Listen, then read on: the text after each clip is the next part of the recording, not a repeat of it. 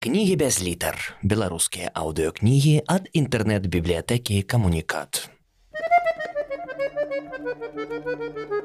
Артур Клінаў. Локісаў. Раман.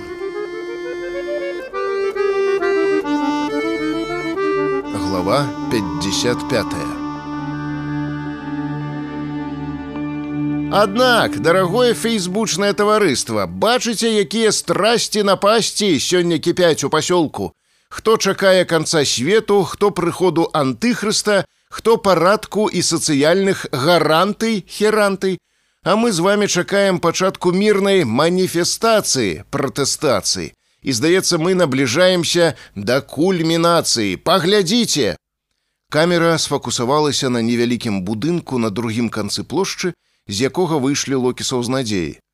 Што ж, панове, гэта сігнал. Цяпер усе, хто хаваецца па крамах ды завуголлях, павінны выліцца на вуліцу. Вось, глядзіце, я ўжо бачу, пачалося.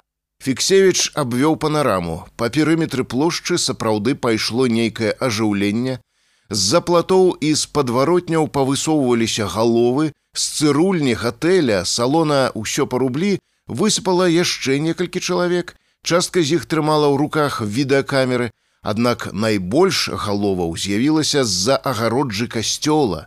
Гэтая праўда, чамусьці мелі штампаваныя вусы і аднолькавыя чорныя шапкі балбескі.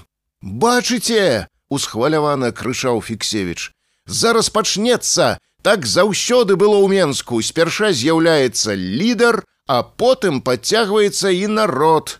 Локісаў з надзеяй горда ў адзіноце крочылі па плошчы, пераадольваючы лабірынт з палет ды кучаў свежазнятага асфальту, але народ падцягвацца не спяшаўся. Цярпенне, крыху цярпення, супакойваў сам сябе Фіксевіч, А пакуль я павяду, што яшчэ адбываецца на плошчы, пакуль мы бралі інтэрв'ю ў сінагозе, тут амаль усталявалі банкамат, мат-перамат. А цяпер рабочыя ўзяліся збіраць навагоднюю ёлку піздёлку. Бачыце, яе распакоўваюць непадалёк ад помніка Леніну, а месца абгарадзілі невысокім плотам. Шчыра кажучы, я нават не ведаю, дзе цяпер будуць збірацца маніфестанты. Зірніце, побач яшчэ адзін даўгі плот. Гэта пляцоўка вакол помніка, дзе плануецца коўзанка. Каля яе драўляная агароджа, дзе мантуюць банкамат а з другога боку часовая загародка, за якой укладаюць плітку. Так што людзі могуць сабрацца толькі ў праходах паміж. А вось, нарэшце! Камера скучыла ў іншы бок. Што я вам казаў? Вось яшчэ маніфестанты! Ад невялікага будынка пад шыльдай помнікі аддзяліліся дзве фігуркі і таксама скіраваліся да цэнтра плошчы. Вось яны, смелыя людзі, якія не пабаяліся кінуць выклік тырану трыумфаваў фіксевіч. А цяпер бачу крыху расчаравана дадаў ён. Гэта таварышы шарлай і карпуль так бы мовіць культур мікстур і экалогія наркалогія. Сябры нашага палітбюро.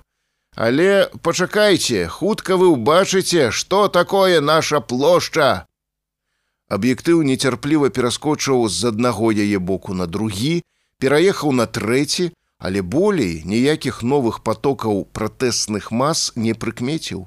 Затое здавалася, што плошча неяк ціха сама па сабе напаўнялася людзьмі. Калі з раніцы плітку укладвалі з паўтузіна рабочых, то цяпер гэтым займалася чалавек 40. Яшчэ з дзясятак корпаліся з банкаматам, каля 15 рабацях распакоўвалі і усталёўвалі елку, яшчэ стузін выраўноўвалі коўзанку.